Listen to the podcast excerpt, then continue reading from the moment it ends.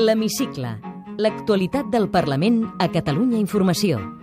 Amb Jordi Corbalan i el muntatge musical de Salva Pou. Setmana d'activitat intensa al Parlament en què la Comissió d'Economia ha aprovat els dictàmens sobre els pressupostos i la llei de mesures fiscals. Tot i el suport anunciat als comptes de la CUP, els anticapitalistes van permetre amb el seu vot que s'aprovessin més d'un miler d'esmenes de l'oposició.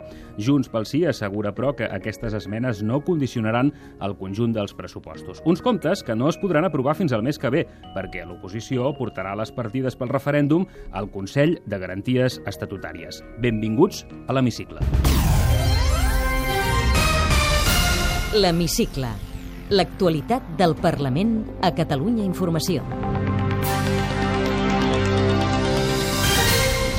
Aprovat el dictamen sobre els pressupostos que inclou més d'un miler d'esmenes de l'oposició. Una de les preguntes que ens fem des del grup socialista és si Junts pel Sí votarà aquest pressupost, perquè ja no és el seu pressupost. Dir que ho vols fer tot i no dir d'on treus els diners és fer un brindis al sol. El Pacte Nacional del Referèndum es reuneix al Parlament per aprovar el manifest. Si el govern d'Espanya no dona autorització per fer el referèndum és perquè no vol, no perquè legalment no ho pogués fer.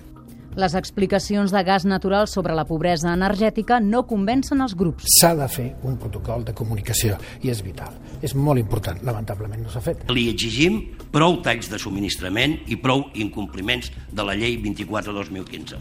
Us explicarem com serà el registre de lobbies que ha creat el Parlament i ens contestarà en una frase el qüestionari de l'hemicicle. Àngels Ponce i Roca, diputada del grup parlamentari de Junts pel Sí.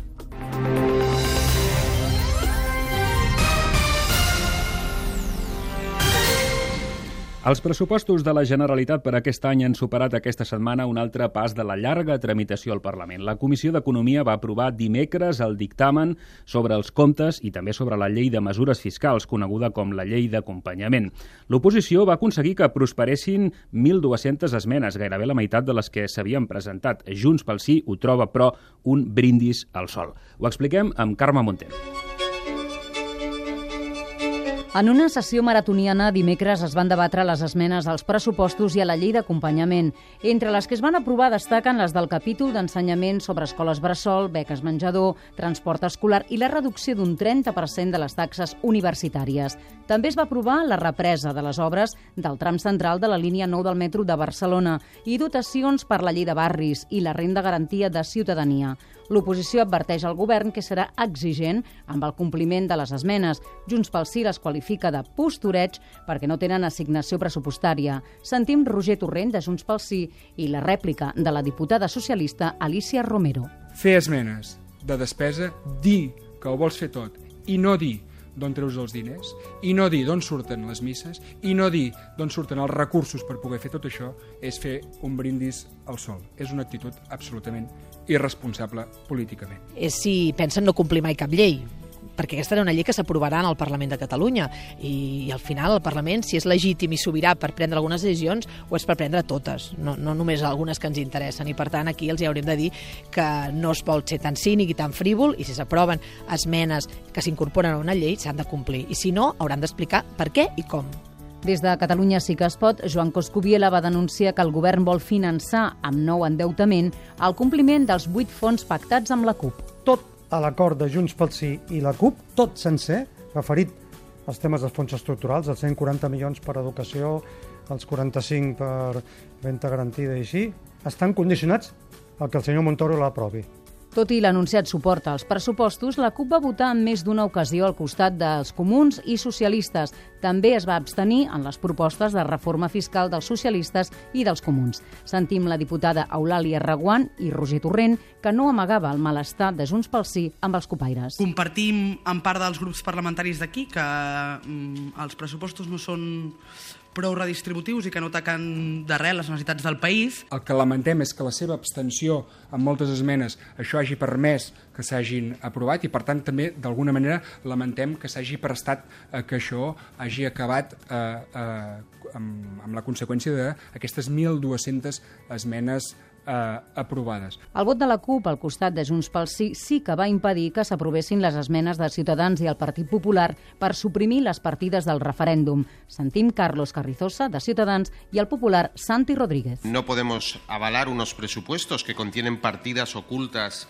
para el referéndum, para hacer estructuras de Estado. Un govern el, sobre el que es diuen que es fan coses que estan al marge de la llei, un govern que diu que respectarà el que és la voluntat del Parlament, però que al mateix temps també es diu que hi han partides ocultes en aquest pressupost. Ciutadans i el Partit Popular ja han anunciat que portaran aquests pressupostos al Consell de Garanties Estatutàries per les partides del referèndum, fet que n'ajornarà l'aprovació en el ple fins al mes de març, fins al mes que ve. Però què és el Consell de Garanties Estatutàries? Ara ho expliquem. Conceptes parlamentaris. El Consell de Garanties Estatutàries és la institució que vella perquè les disposicions de la Generalitat, com és el cas de la llei de pressupostos, s'adequin a la Constitució i a l'Estatut.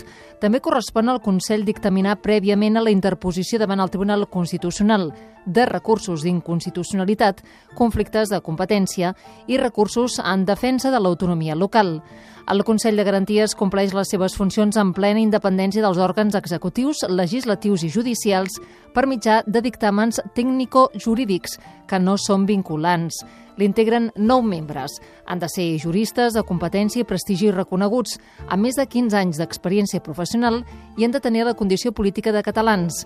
Són nomenats pel president de la Generalitat, sis dels quals a proposta del Parlament i els tres restants a proposta del govern. L'Hemicicle.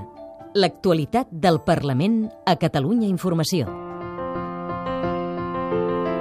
El Pacte Nacional pel Referèndum va fent camí. Aquest dimecres aprovava en una nova reunió al Parlament el manifest que emplaça a treballar per un referèndum acordat. El coordinador del pacte, Joan Ignasi Helena, deixava clar que el referèndum és possible, legal i legítim i que si l'Estat no el permet és perquè no vol. L'acusa d'amagar-se darrere de la legalitat. La decisió de no celebrar-lo, de no donar autorització perquè aquest es celebri, és política, no és legal. I això em sembla que si es posa en evidència i es dona llum a aquesta realitat, suposarà un requeriment a qui el nega perquè expliqui les raons per les quals les nega. Helena anunciava que buscaran el màxim d'adhesions, demanaran reunir-se amb el govern de l'Estat i també amb diputats catalans, espanyols i europeus.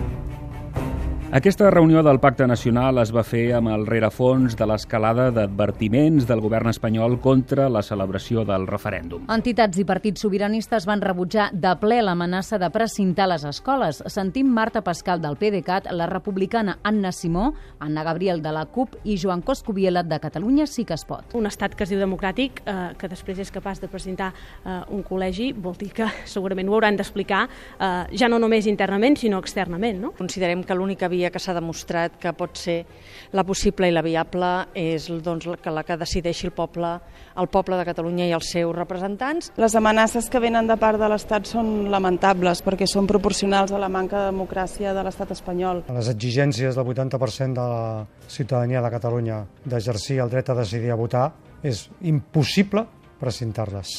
Però a continuació dic que per fer saltar aquest precinte fan falta algunes coses més que paraules i mocions genèriques. El Partit Popular deixava clar que no li tremolarà el pols per adoptar mesures contra el referèndum. Ciutadans i el PSC no es van mullar. Parlen el popular García Albiol, Inés Arrimadas de Ciutadans i Alicia Romero del PSC. ¿Nos gustaría que se tuviera que aplicar el artículo 155 de la Constitución? Evidentemente que no. No nos temblará la mano a la hora de recomendar, si se llega a la situación absolutamente límite, de, que se, de que se apliquen. Vostè vol veure com precinten col·legis electorals no, en una no democràcia veure... al segle XXI? No, jo no vull veure, ni veure presidents de la Generalitat que se saltin les lleis i que pensin que estan per sobre de la justícia. Intentem mm, que la política guanyi i no judicialitzar la política i que no acabem anant als tribunals per resoldre les coses si es poden resoldre d'altres maneres. I això és el que li diríem al president Rajoy i també al president Puigdemont. Junts pel Sí ha registrat una petició petició perquè comparegui de manera urgent al Parlament la vicepresidenta del govern espanyol i ministra d'Administracions Territorials, Soraya Sáenz de Santa Maria. Junts pel Sí vol que la vicepresidenta aclareixi si és cert que l'Estat es planteja impedir el referèndum per la força, prendre el control del Departament d'Ensenyament, precintar escoles o prendre el comandament dels Mossos. L'Hemicicle. El Parlament a Catalunya Informació. El vicepresident Oriol Junqueras donarà explicacions al Parlament pel cas Santi Vidal. Ho farà el dia 15, a la propera Comissió d'Afers Institucionals, ja prevista per aquesta data, que afegirà, però, un nou punt a l'ordre del dia. Tot i que inicialment el govern oferia que comparegués el secretari d'Hisenda, Lluís Salvador, a la Comissió d'Economia, finalment, des de Junts pel Sí, s'anunciava que el vicepresident Junqueras també compareixerà a la Comissió d'Afers Institucionals. La CUP havia demanat també que el vicepresident donés explicacions. Sentim sentim Roger Torrent, de Junts pel Sí, i la copaire Eulàlia Reguant.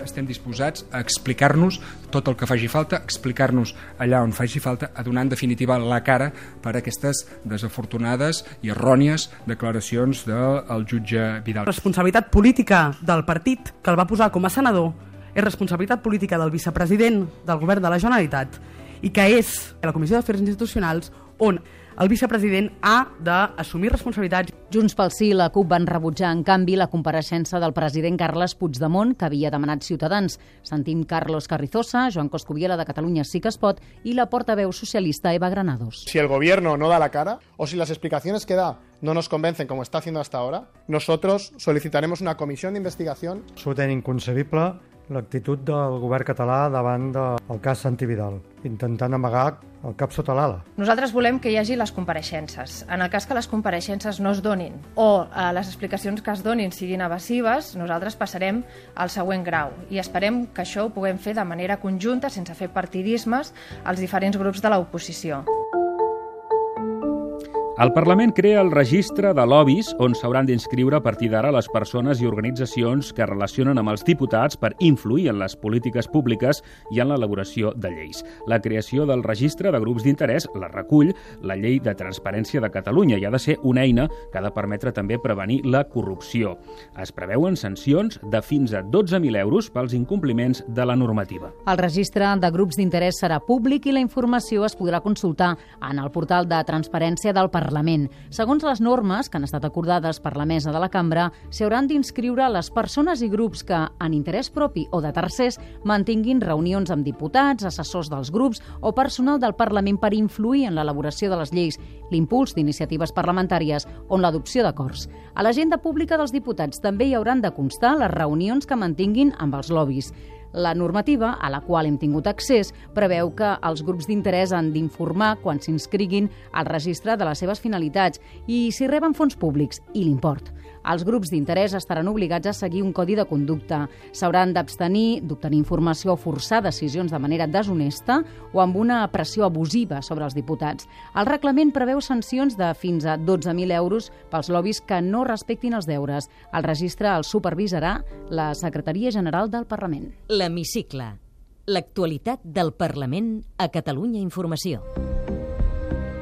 Aquesta setmana també s'ha parlat al Parlament de pobresa energètica. El conseller delegat de Gas Natural demanava dijous davant la Comissió d'Empresa un reglament clar per definir com les empreses i les administracions han d'actuar quan es detecta un cas de pobresa energètica.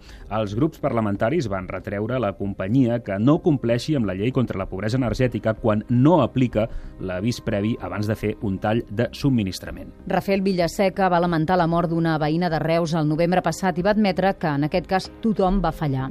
Per tal que les actuacions i responsabilitats quedin clares, va reclamar que es desenvolupi el reglament previst a la llei, que els obligaria a avisar prèviament les administracions abans de fer un tall.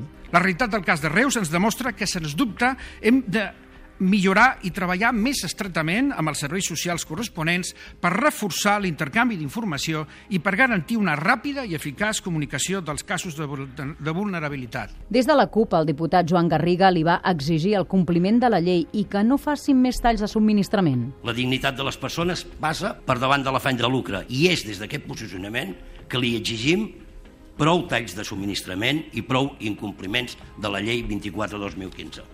El síndic de Greuge, Rafael Ribó, lliurava dimecres a la presidenta del Parlament, Carme Forcadell, el seu informe anual i, precisament, una part important de les queixes, una tercera part de les queixes rebudes pel síndic de Greuges l'any passat, tenen una relació directa amb les polítiques socials i les situacions de vulnerabilitat.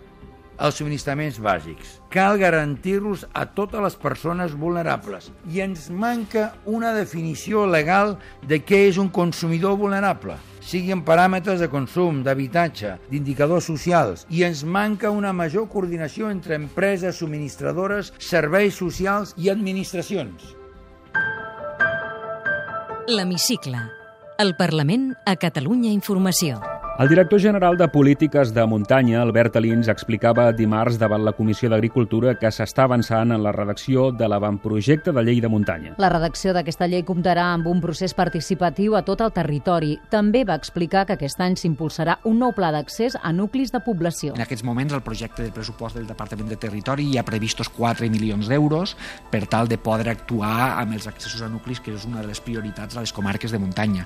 També s'està treballant amb altres departaments per la possibilitat de que hi hagi altres departaments com Governació i Agricultura que també incideixin amb, les, eh, amb aportacions econòmiques amb aquesta necessitat tan bàsica i tan important al nostre territori. A la mateixa Comissió d'Agricultura es va presentar el projecte de la xarxa del Parc de les Olors. La coordinadora i ànima del projecte, la professora Pilar Comas, va explicar que volen impulsar una xarxa d'una quarantena de parcs de les olors especialitzats en el conreu de les plantes aromàtiques que funcionaran de manera col·laborativa per elaborar productes artesans de qualitat derivats derivats de les plantes aromàtiques, culinàries i medicinals. És un projecte de país, el Parc de les Olors. Ho hem anat explicant a diferents llocs perquè el model Parc de les Olors comença a ser eh, inspirador i això ens fa molt, també molt feliços perquè els catalans ja sabeu que tenim fama de que de les pedres en fem pans i a més a més jo penso que de les herbes en podem fer encara molt més imagina't, si de les pedres en fem pans imagineu-vos que podem fer de les herbes no? El Parc de les Olors vol recuperar la cultura etnobotànica amb experiències sensorials i pràctiques. Actualment, la xarxa ja compta amb 16 instal·lacions arreu de Catalunya.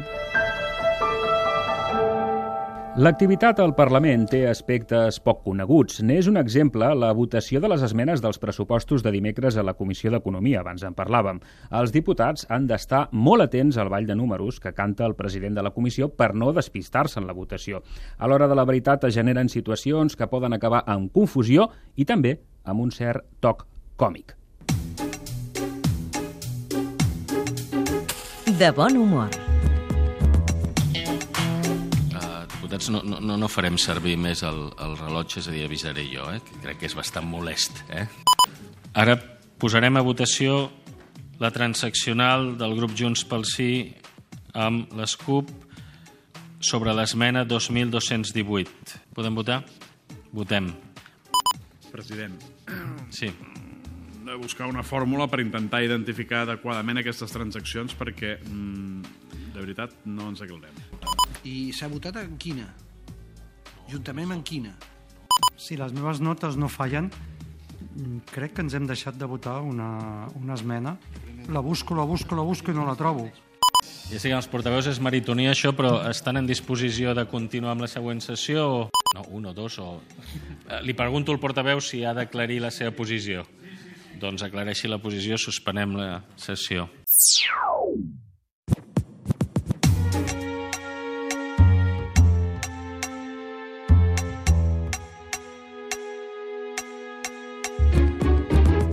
L'Hemicicle. Un apunt d'agenda, la setmana entrant estarà marcada pel judici del 9-N, però al Parlament també hi haurà ple. El ple començarà dimecres al matí amb l'habitual sessió de control al president i al govern. El ple aprovarà la llei del llibre sisè del Codi Civil de Catalunya relatiu a les obligacions dels contractes i la llei de creació de la vegueria del Penedès.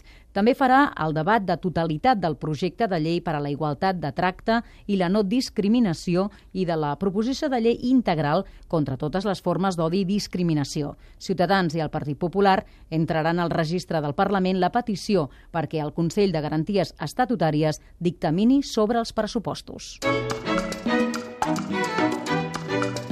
Té la paraula Àngels Ponce Roca, diputada del grup parlamentari de Junts pel Sí. En una frase. Què n'espera del curs polític al Parlament on acaba d'aterrar? Espero que sigui el, el curs per excel·lència, el curs del, del referèndum, un curs apassionant. Un sol va més ràpid, però junts anem més lluny. La frase, diu el seu compte de Twitter, és de l'àvia. Això val per tot?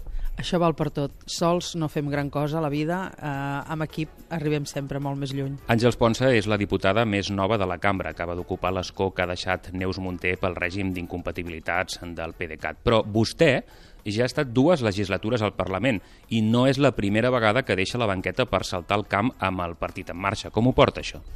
Doncs eh, adaptació a tope. Aquesta tercera vegada, per sort, més fàcil, perquè quan ja en portes dues, doncs la tercera sempre és més fàcil. Què feia professionalment abans de dedicar-se a la política i a la gestió pública? Eh, vaig començar la docència i després doncs, he estat en l'àmbit local amb diferents fórmules, eh, des de doncs, la gestió en l'àmbit local eh, fins a regidora també de l'Ajuntament de Sant Cugat. És també llicenciada en Història de l'Art i ha donat classes a la Massana. Ho troba a faltar, això de l'art? Uh, com que per la meva responsabilitat he tingut molt de contacte amb el sector cultural, doncs ho faig molt compatible. No em perdo exposicions, intento estar molt, molt al dia, però clar, sí que he perdut la connexió amb els estudis. La seva trajectòria política ha estat vinculada també durant molts anys al municipalisme, ha estat tinenta d'alcalde de Sant Cugat del Vallès, la ciutat on viu. Al Parlament també es fa política de proximitat. I tant, molta, molta, perquè tu, a part d'un sector, et deus també un territori i aquest territori et té en compte per moltes coses quan necessita doncs, qualsevol tipus d'ajut. Quina llei li faria més il·lusió aprovar aquesta legislatura? Ah, doncs qualsevol de les que suposin la desconnexió amb l'estat espanyol. Un referent polític. Uh, Ramon Trias Fargas. Recorda què volia ser quan era petita? Em sembla que vaig tenir diferents etapes. Crec que metgessa era una de les coses que m'agradava molt. Mestre, també. No, no, no tenia una professió molt definida. És puntual? Intento, intento. Acolliria una família de refugiats a casa? Sí, de fet a casa hem acollit eh, diferents, eh, bueno, des de nanos d'Ucraïna fins a també dels Balcans en el seu moment. Som una família que ens agrada acollir. Viu de lloguer o de propietat? De propietat. Segona residència? No. On s'escapa quan vol desconnectar del tot? Si és així entre setmana, doncs a qualsevol entorn al costat de casa, a la Serra de Collserola. Si ja és més de poder planificar, doncs a qualsevol punt del país, des de les Terres de l'Ebre fins al Pirineu, qualsevol em va bé. Però vostè va néixer a Artesa de Segre i va sovint. Intento, intento perquè tinc família, tinc el pare i intento anar-hi com a mínim un cop al mes. Carn o peix? Doncs les dues coses, depèn del moment. Té traça amb els fogons? Sí, m'agrada molt cuinar. Quin plat cuina més bé?